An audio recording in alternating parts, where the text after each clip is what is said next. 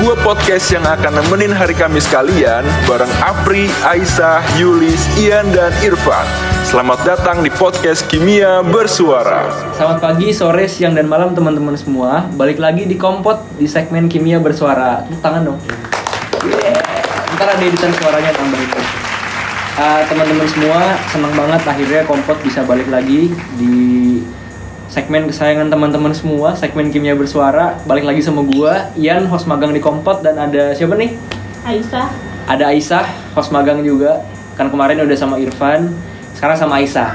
Nanti kita tagih ya Yulis sama si Apri. Soalnya mereka dua berdua belum.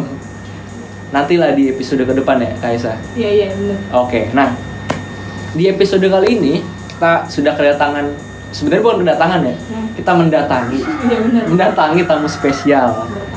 Orang yang mungkin apa nggak sih gue nggak selalu baik gue pengen bilang orang yang kehadirannya kayak John Wick jarang ketahuan tapi begitu ketahuan paling takutin Ih. Bye. kita kedata kita udah datang ke rumahnya Kak Monik Kak Arif Yamoni Presiden Mahasiswa HMPS Pendidikan Kimia angkatan berapa kak? angkatan Periode berapa? periode 2019 Periode 2019 Nah ini periode 2018 dong. Periode 2018 2019 iya benar. Oke. 2018 2019 Nah ini kita sudah datengin rumahnya. Spesial banget, mana dijamu lagi mungkin kentang sama apa nih?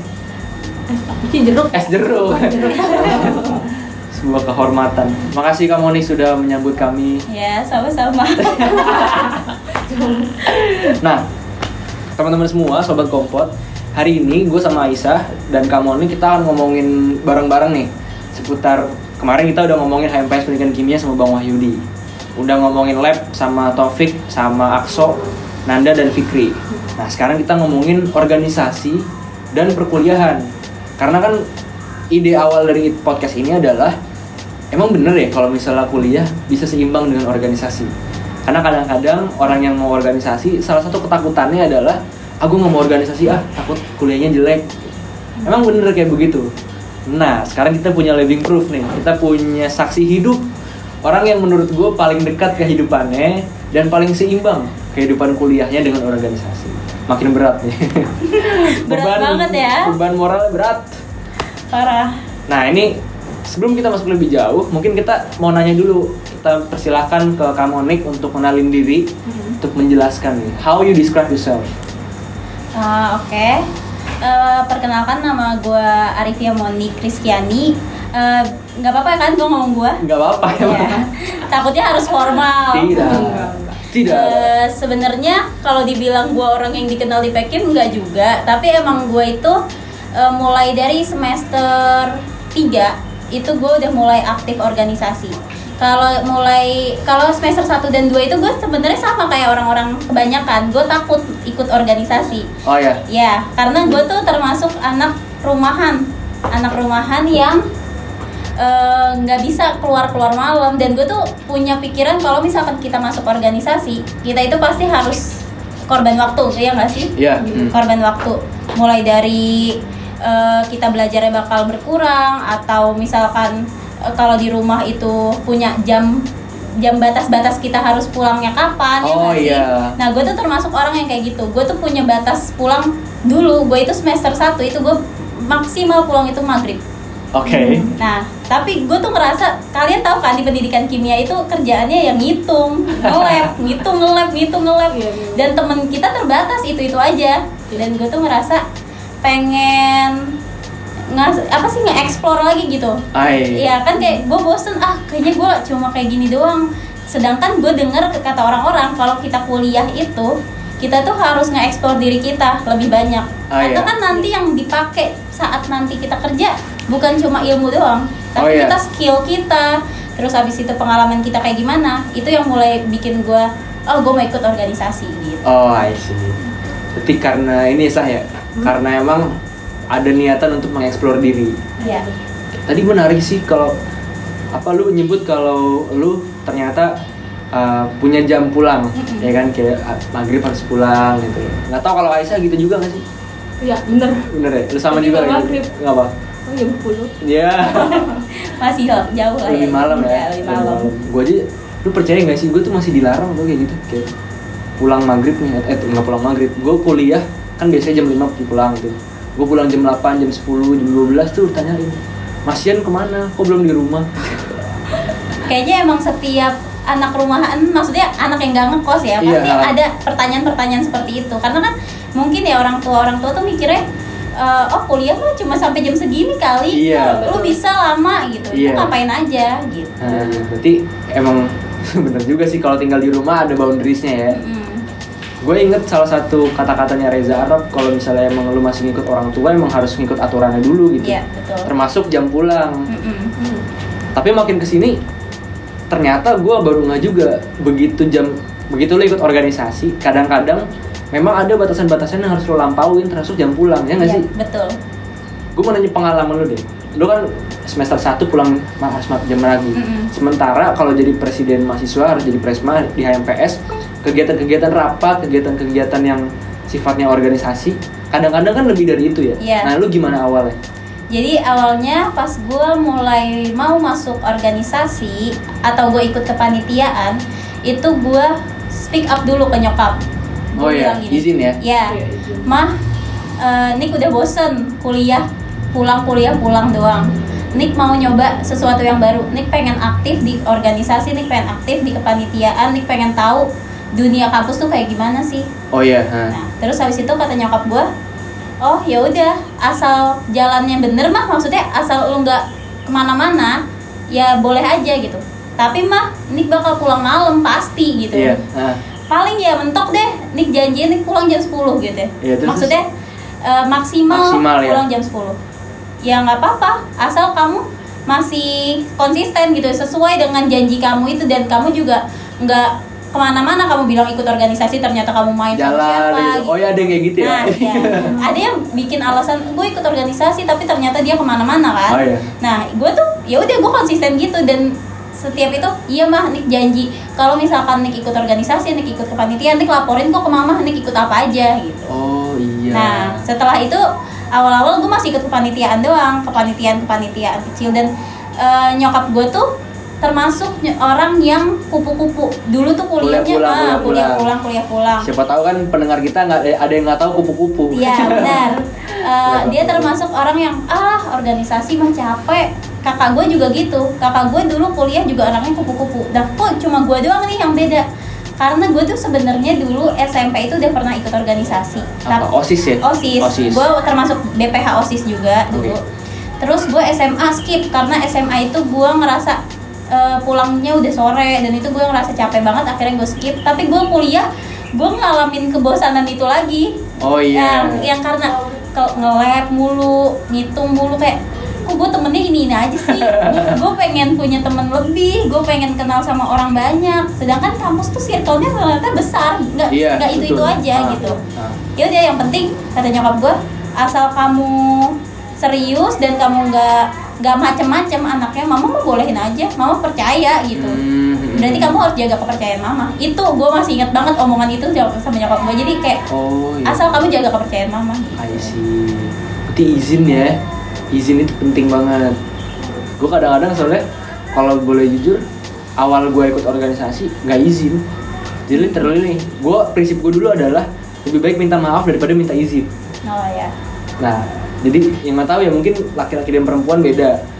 Ya nggak melulu kayak dikotomi laki-laki perempuan, tapi tapi lingkungan pergaulan kan beda ya. Mm-mm. Kayak lu begitu mungkin karena ah, memang begitu, gue begini karena mungkin bergaul karena begini gitu. tergantung nyamannya aja Betul. Tapi emang konsekuensinya sebenarnya lebih lebih enak pakai cara kamu nih. Izin dulu. Satu lebih sopan, kedua ada yang garanti. Gitu. Kita saling jaga benar. kepercayaan. Lain hal dengan gue misalnya ya. Gue pulang nih, terus tahu pulang jam 8, lalu pulang jam 10. Kadang atau kadang gue nggak pulang. Kadang-kadang dicariin, pasien ke mana aku nggak pulang gitu. Ya bu maaf begini-gini. Jadi gue lebih banyak minta maaf ya dulu. Sampai akhirnya orang tua gue ya udah pasrah ya udah lu mau ke mana bodo amat deh kayak gitu kali ya ya ya ya ya, ya. kalau kak Aisyah gimana ada yang mau ditanyain nggak Nah, Kak Monik, Ya. bisa nggak sih kuliah itu sambil mengimbangi ikut organisasi? Oke. Eh, sama ya kayak tadi jawaban gue semester 1 2 itu gue juga mikir sama kayak orang-orang. Ah mana bisa organisasi diimbangin sama perkuliahan? Kayak sesuatu yang berat ya nggak sih? Iya. apalagi eh, kita tuh jurusan yang termasuk menurut gue jurusan kita tuh agak dibilang berat ya enggak dibilang enggak ya berat ya sih? Iya. Kalau misalkan dibandingin beratnya sama anak farmasi anak itu ya pasti berat farmasi dong. Oh iya. anak dok kedokteran gua. nah Ha-ha. tapi kalau dibilang enteng juga ya nggak enteng. Apalagi di semester semester 3 dan 4 Iya. itu praktikum kita empat kali seminggu. Sedangkan gue mulai aktif aja di semester itu. Iya nggak sih? Gue mulai aktif di semester itu. Gimana gue cara ngimbanginnya? Gue bikin kayak time schedule gitu di di HP gue gitu ah, kayak ini penting nih time schedule ya. Iya, Oh, di- ini buat sobat kompot dicatat nih time schedule. gue taruh di wallpaper gue misalkan nih gue harus belajar minimal 30 menit buat ngulang materi yang waktu kuliah gue pelajarin atau kalau misalkan gue nggak punya waktu kesempatan untuk belajar di Hah? malam itu Iya. gua fokusin pas kuliah jadi pas dosen ngajar kan biasanya kadang kita kalau ngajar dosen ngajar kadang kita main apa main HP ya nggak sih Ah, ah, ah. itu gue fokusin gue catet semua Wah, gila. catet mau catatan lu jelek ya nggak apa-apa tapi nanti pas di rumah kalau lu lagi males belajar ya udah lu catet ulang nanti lama-lama apa yang lu tulis itu lu bakal inget sendirinya Oh, iya nggak sih Iya. jadi Ah, gue ah. Eh, sebenarnya nggak sulit belajar itu kalau misalkan lu punya time management yang baik Ah, ini dia kata kuncinya. Manajemen Time management. Nah, kalau misalkan dibilang kok lu bisa sih ngatur sedemikian rupa gitu? Enggak Iya. juga sebenarnya gua. Tapi gue tuh maksain. Gue nggak, gue tipe orang yang lebih baik gue nilainya pas-pasan B gitu daripada Mhm. gue ngulang. Ya, gue juga gitu. ya sih? Maksudnya ngulang tuh wasting time banget gitu. Mendingan gue bener-bener belajar. Tapi belajarnya nggak usah yang kalau dibilang maksimal belajar ya belajar yang maksimal itu susah. Tapi belajar sebisa mungkin itu yang bener. Kayak ah. lu harus punya waktu untuk belajar, bukan eh, waktu ini nih gue harus belajar yang bener-bener oh gue harus maksimal nilai gue harus maksimal nggak harus kayak gitu. Tapi gue iya. tuh harus sebisa mungkin nilai gue tuh segini gitu. Hmm. Tapi kalau misalkan nilainya lebih dari yang lu pengen itu bonus. Oh, I see. Ya gitu. Jadi eh, awal-awal semester 3 4 gue bikin time schedule. Eh, gue jam 8 belajar nih 30 menit. Tapi kalau misalkan kadang kan namanya manusia ya, lama-lama kok lama-lama organisasi makin capek, kok waktunya makin nggak kepegang sama Iya, gua. uh. Ya itu jadi yang gua tekenin belajar di saat kuliah itu. Jadi di Hmm. kuliah itu gua pas di kayak matkul-matkul yang berat kayak kimia organik, kimia anorganik, itu gue bener-bener catat secatat-catat yang mau gue ngerti apa enggak. Atau kalau misalkan gue lagi ngantuk-ngantuk ya di kelas, tapi gue tetap harus nyatet. Iya, Karena iya, gue iya, takutnya eh, kadang omongan guru, omongan dosen sama yang dari buku itu beda. Iya, dari textbook ya, ya kan? Apalagi Pak Didi ya. Nah, Kadang-kadang iya. itu Bu Nanda. Mm-mm. Itu tuh kayaknya ilmu dari mulut dia tuh lebih penting gak sih daripada textbooknya? Iya. Mulut Yang di dari papan tulis. Nah, iya. Atau kalau gue bener-bener lagi magernya, kita udah punya HP, kita bisa Foto, nanti kita iya. tulis ulang. Dan gue tipe orang yang kalau mau ujian itu, gue belajarnya gue bikin rangkuman. Jadi gue selalu punya kertas, kertas lembar gue siapin, itu gue catat eh, pelajaran yang dia diajarkan sama dosen sebelumnya itu gue catat semua. Oh iya. Iya, jadi gue termasuk orang yang nggak pernah baca buku paket. Gue termasuk orang yang ngikutin apa yang diomongin dosen aja. Oh gitu. Jadi gue sampai sekarang pun gue masih punya dari semester 1 sampai semester sekarang gue masih punya cat rangkuman-rangkuman itu. Wait, nih teman-teman semua, gua ada kontak Kamonik. Kalau mau fotokopi bayar ya. Banyak kok yang mas- banyaknya kok dari adik-adik yang sering fotokopi atau kadang ya gue kalau misalkan udah udah males, ma udah males. Nih, yaudah lu yang pegang. Nih, misalkan nih ada ada Misalkan gua minjem, gua Ya, minjem. misalkan Ian minjem. Ian udah ada di Taufik misal, Taufik Oh, anak iya. ini udah lu pinjem aja, pokoknya di dia semuanya. Punya Berarti gua, sekarang nggak di lu? gitu. Beberapa udah banyak yang gak di gua dan gua tuh kadang sampai lupa, sampai lupa itu ada di siapa. Pernah di Taufik gak? Pernah Nah, Taufik di balikin Taufik, di anak 2017 juga pernah pokoknya 2017 2018 banyak kok yang megang catatan-catatan gua Iya iya iya iya. Tapi kalau sekarang sebenarnya lebih enak kalau ada cam scanner. Ya. Kalau dulu kan nggak ada ya? Iya, eh mungkin ada cuma Tapi masih belum apa ya? belum banyak dipakai. Ya, belum banyak. Kalau sekarang kan enak ya, misalnya di foto nih, Hmm. terus di share gitu. Kan banyak ya sekarang yang kayak apa bagi-bagi catatan online, Iya, Benar, benar. syaratnya di repost, Iya, ya benar. kan? Iya. Itu barangkali mungkin bisa jadi ini ya, apa amal jariah ya kamu nih. Iya benar benar. Siapa tahu dipakai banyak orang kan? Itu bukunya kamu kayaknya masih ada di gue juga dah. Buku yang kritis. Oh iya. Paket. Sampai gue aja lupa. Itu ada di siapa? Ada di siapa? Buku lu kayaknya ada di gue juga. Yang warna biru. Buku apa sih? Brandy. Oh iya. Iya, warna biru. Lu minjemin gua nggak sih? Bukannya Chang? Ya itu. Nah, Raymond Cang. Chang. Cang. Iya, Chang. Raymond Chang. Tahuan nggak pernah punya buku. Eh, eh FYI gue nggak beli buku organik. Di- Dipinjemin orang terus masih mau gue. Pinjam buku cutting. Iya iya iya iya. iya, iya. Tapi tadi yang gue yang gue senang banget dan apa ya, yang jawaban gue tunggu banget adalah tadi tuh kadang-kadang sebenarnya kuliah organisasi ini memang nggak bisa kita 50-50. Mm-mm. Jadi kadang-kadang seimbang tuh artinya bukan 50 bukan 50-50, adil itu nggak 50-50. Benar. Bisa 70-30 persentasenya, bisa 60-30, eh 60-40. Tapi yang penting itu tahu diri dan ingat kalau misalnya kita punya agenda dan punya tanggung jawab, makanya dia ada yang namanya time schedule, Mm-mm. ya kan? Wah keren banget parah kamu nih. Soalnya kan gue sengaja sama teman-teman kompot datengin kamu nih. Tadi karena itu gue bilang, Hmm. kamu nih itu seimbang kuliah dan organisasinya. Nah, gue tadi kan Aisyah udah nanya ya, gue mau tanya lagi nih pertama. Ah, terkait dengan perkuliahan dan organisasi. Tadi lu sebut juga kalau di apa namanya waktu sa ya kan kita misalnya kita udah bikin time schedule nih, terus kita udah plak plak plak plak udah udah udah udah tau lah habis ini mau ngapain ini mau ngapain Iya. ini mau ngapain gitu. Tapi ada nggak momen titik balik di mana kayak ah kadang-kadang time schedule nggak nggak bisa juga deh kayak gitu. Atau ada nggak titik balik di mana kayaknya aduh gue berantakan banget sih gitu. Ada ada, ada. Di semester berapa ya gue?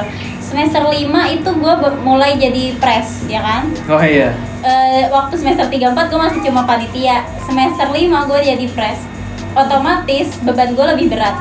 ya nggak sih? Bener-bener. Otomatis beban gue lebih berat.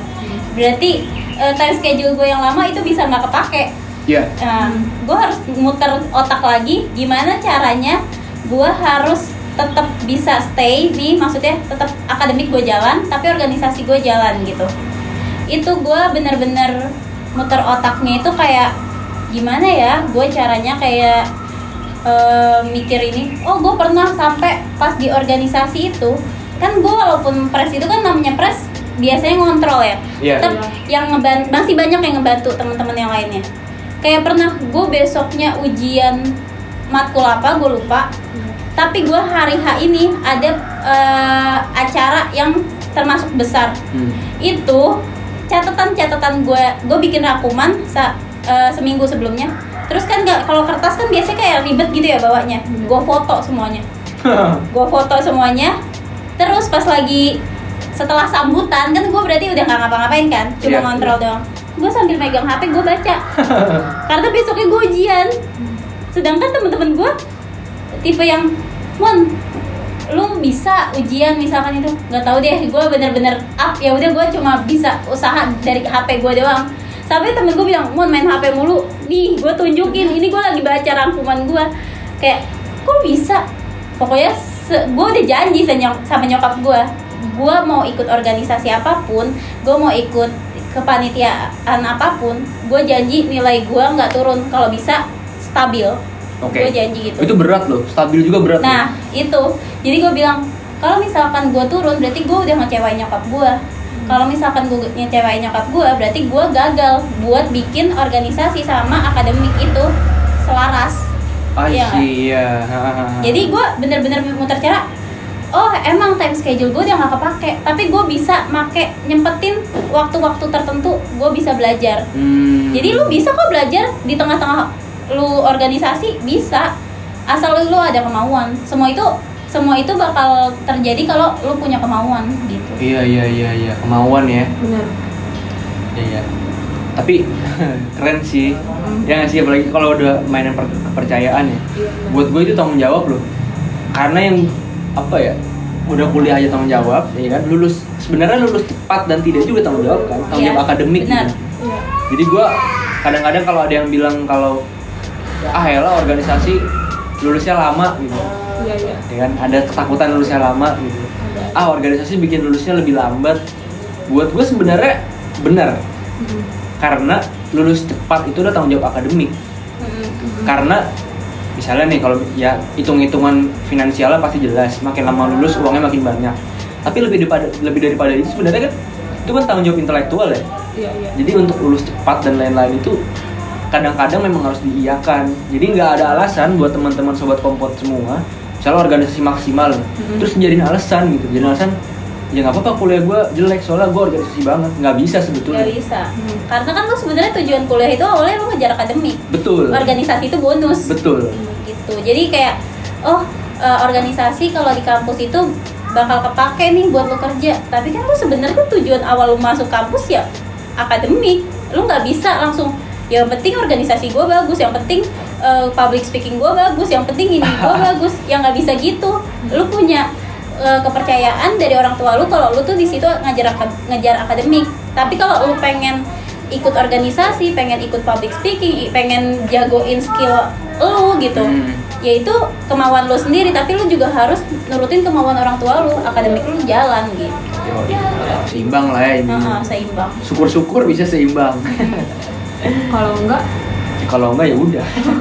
Kalau lu udah ngerasa too much sama sesuatu pasti lu kayak ngerasa ah bu- lu jadi nyepelain yang lain. Yes. nah makanya lu harus seimbang dengan yes. keduanya. Atau misalkan lu punya tiga hal atau empat hal ya itu lu harus seimbang semuanya gitu. Yes it is. Tadi kan Kak Monik udah ngomongin akademik.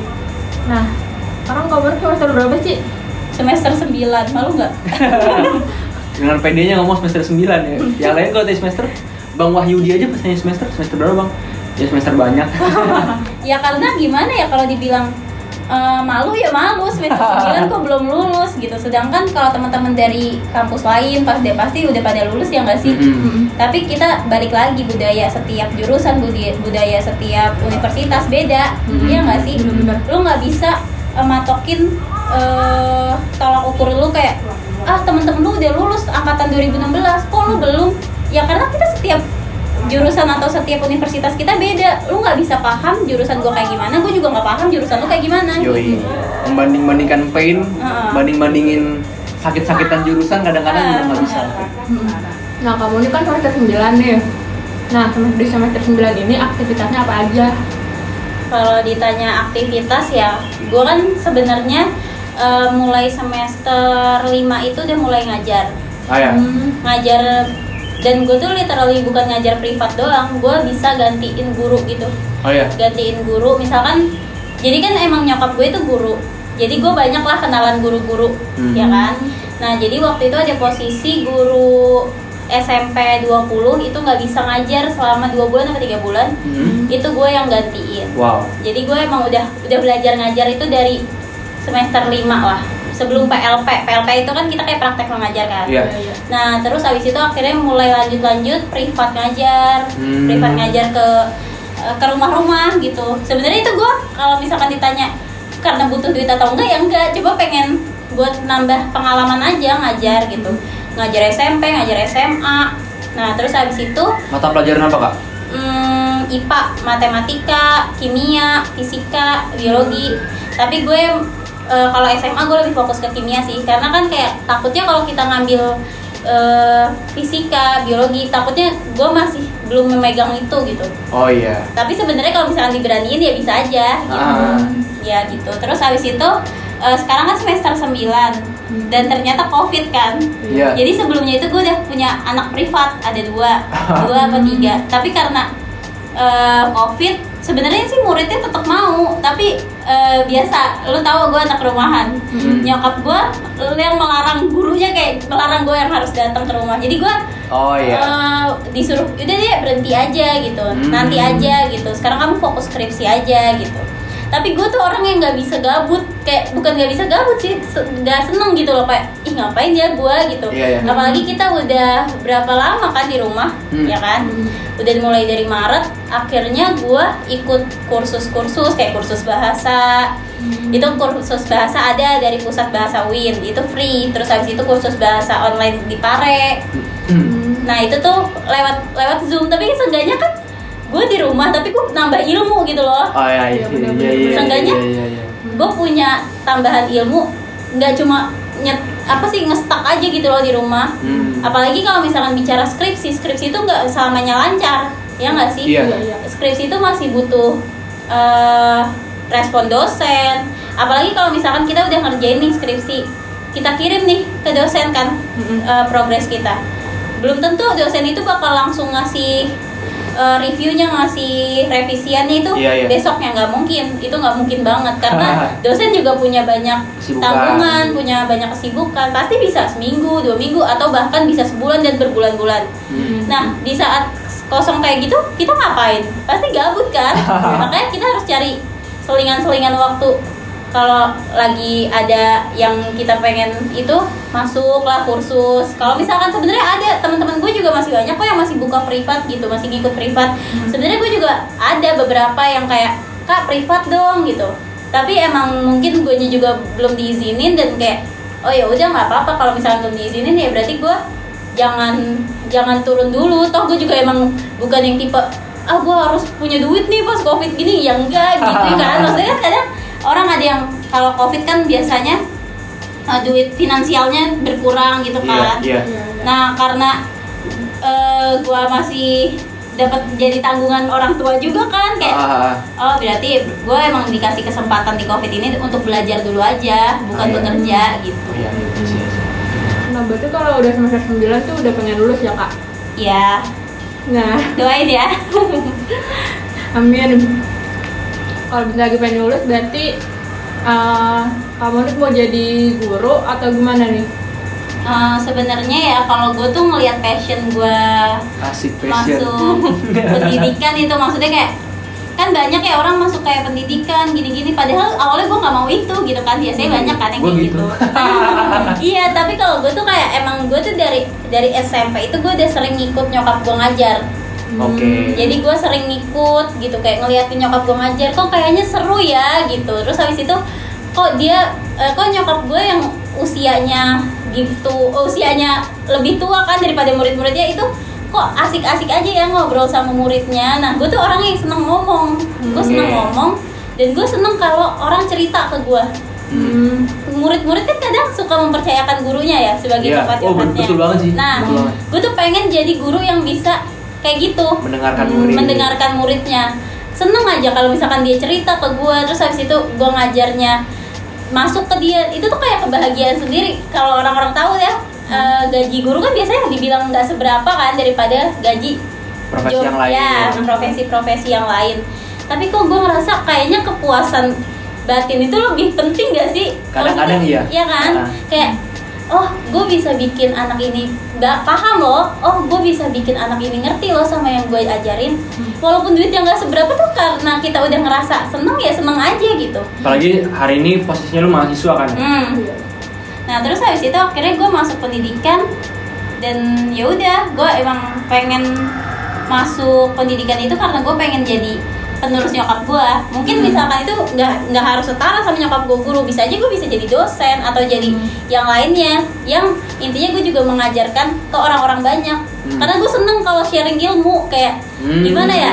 Gue seneng kalau misalkan orang-orang bisa tahu apa yang gue tahu gitu Iya. Hmm. terus abis itu tapi sebenarnya nggak bisa dipungkirin juga jurusan itu nggak menentukan kita profesinya bakal ke mana Iya nggak sih betul. banyak kok eh, lulusan pendidikan tiba-tiba kerja di bank banyak kok lulusan pendidikan tiba-tiba jadi apa ya kan banyak lah banyak yang lainnya Iya, sebenarnya eh, kalau dilihat dari situ itu tuh balik lagi kita tuh masuk ke kuliah masuk ke jurusan itu sebenarnya buat nambah akademik doang kayak Hmm. buat nambah ilmu doang tapi sebenarnya skill kita kan juga masih bisa digunain di uh, Profesi yang profesi-profesi lain. lain. apalagi kalau profesi-profesi lain kadang juga uh, nggak menuntut lu tuh harus jurusan A harus jurusan B. Iya. karena namanya profesi kadang kita bisa belajar pelan-pelan. Betul. ya kan belajar pelan-pelan. Misalkan nih kayak pengen jadi admin gitu admin bank. Ya kita belajar sebulan dua bulan. Kalau misalkan kita konsisten juga kita bakal bisa menguasai itu gitu. Mhm. ya balik lagi ke kitanya. Ada kemauan nggak? Gitu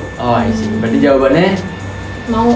pengen jadi guru, cuma jawaban yang lainnya lagi sebenarnya bisa juga nggak jadi guru. Diubah aja pola pikirnya. Kayak lu nggak kalau misalkan oh gue anak pendidikan gue harus jadi guru. Ih padahal gue nggak bisa jadi guru. Ya nggak harus gitu. Ya gitu maksudnya. Iya. ya itu cuma proses lu belajar. Proses belajar tuh bisa di mana aja. Betul. tapi nanti pas lu pengen oh gue anak pendidikan tapi gue pengen jadi pengusaha. Ya kalau punya lu punya skill itu dan lu pengen mengembangkan skill itu lanjut aja gas aja gitu. Apalagi kalau kita ngomongin di pendidikan kimia, banyak loh entrepreneur-entrepreneur muda juga ya. nah benar. Malam ini sebenarnya jadwal acara yang wirausaha. Promosi promosi nggak apa-apa. Karena podcast ini diuploadnya malam ini juga. Heeh. jadi nanti dengerin saya juga. Ada moderatornya. Bapak Brilian. aduh. Gitu ya berarti ya. Hmm. keren banget ya. Podcast kali ini banyak banget insight dari kamu nih. Kita yang tentang dulu. Eh Banyak pelajaran yang diambil. banyak banget parah. Gue mau nanya terakhir buat kamu nih. Mm. Ini sebelum kita tutup podcast kita ya. Ini yang paling penting dari segala macam sebenarnya gue pengen bilang kak kasih wejangan dong. Tapi semuanya wejangan. Bener. semuanya wejangan. Nah maksud gue ini meluruskan inti dari podcast ini ya. Tadi sebenarnya kamu ini udah jawab kalau apa namanya kuliah sama organisasi itu bisa kok seimbang. Mm. bisa kok seimbang dan lagi-lagi kuliah tempatnya tempat akademik gitu tempat lo belajar menuntut ilmu jadi nggak boleh pakai uh, alasan organisasi untuk membenarkan malas-malas kuliah. Ya benar. Nah sekarang gue mau nanya lagi ini terakhir nih untuk mahasiswa-mahasiswa pendidikan kimia. Mm. gue minta wejangan dong kak buat kita yang hari ini masih bimbang. Barangkali ada yang ngerasa salah jurusan atau barangkali ada yang udah mulai nyerah karena takut jadi guru atau takut gak lulus cepet. Kasih kami wejangan gimana sih caranya survive di pendidikan kimia? Sekalipun aktivitas itu padat organisasinya sampai pulang subuh lah gimana? Jadi biar tetap tetap pada stay on the track. Eh, sebenarnya ya kayak gitu tuh nggak nggak bisa masuk insight dari orang lain. Tapi sebenarnya itu balik lagi ke diri kita sendiri. Kita mau apa enggak intinya sih kalau gue itu prinsip hidup gue tuh gue mau apa enggak gue mau coba apa enggak kalau misalkan lu bilang organisasi sama akademik nggak bisa sejalan ya itu pikiran lu. Tapi lu belum nyoba kan gitu. Mm. terus habis itu kalau misalkan lu bilang ah gue nggak bisa jadi guru karena tapi gue tuh kejeblos aja masuk ke pendidikan gitu. Ya itu kan pikiran lu aja kita nggak tahu ke depannya. Kita mau nyoba apa enggak gitu. Kita mau sebenarnya kan kayak balik lagi dilihat dari skill kita. Emang skill kita eh, bisa menentukan masa depan apa enggak gitu. Yoi. ya nggak sih kayak kalau bisa skill kan bisa diasah situ-situ aja ya kalau misalkan skill lu bisa diasah, lu bisa jadi apa pun yang lu mau. Intinya balik lagi, apa pun yang lu mau, lu lakuin. Nggak ada orang yang gagal sebelum dia mencoba. Ya nggak sih? Ya udah gitu aja sih maksudnya. Lu coba aja. Masalah gagal atau enggak, ya lihat nanti. Kalau misalkan gagal bisa jadi pelajaran. Kalau misalkan gagal, lu bisa sebarin lagi hal positif itu ke orang lain. Oh wow, gokil. Ditutup dengan sangat baik oleh kamu nih. Keren banget ya. Iya, keren banget. Parah banget, nggak ngerti lagi gua nggak ada obat. Nggak ada obeng. Nggak ada obeng. Keren banget dia, parah. Parah. Nanti semoga ada nominasi podcast terbaik. Nanti lah gimana lah. Tapi thank you kamu nih jangan Ya makasih banyak juga udah ngundang gue yang padahal bukan apa-apa. Ya elah inilah yang gua gak suka nih kalau dari kamu nih. Suka merendah dong Merendah untuk meroket. Iya sebel banget gua. Kamu nih pendengar-pendengar semua Sobat Kompet Lu artiin sendiri. Omongan kayak gitu dari bukan siapa-siapa tuh susah. Gak mungkin orang yang gak bukan siapa-siapa ngomong kayak gitu gitu. Nah makasih kamu nih udah mau jadi gestar di Kompot Kimia Bersuara Ya. Mohon doa. sama-sama. mohon bantuan semoga ini masih panjang perjalanannya semoga kita masih bisa konsisten lagi bikin karya lagi buat HMPS dan mengikuti jejak Kamonik nih supaya tetap seimbang kuliah dan organisasinya Amin. Yoi. Amin. kita doakan juga semoga Kamonik cepat lulus dan juga Amin. Amin, amin. kita doain juga kakak-kakak yang lain termasuk Kamonik semoga cepet lulus Amin. Ya daripada jadi donatur tetap kan ke ngampus kagak bayar doang Oke gitu ya teman-teman semua dari episode kompat kali ini gua uh, Brilian ya Ian host magang ada Aisyah juga dan Kamonik pamit undur diri. Thank you, dadah. Thank you.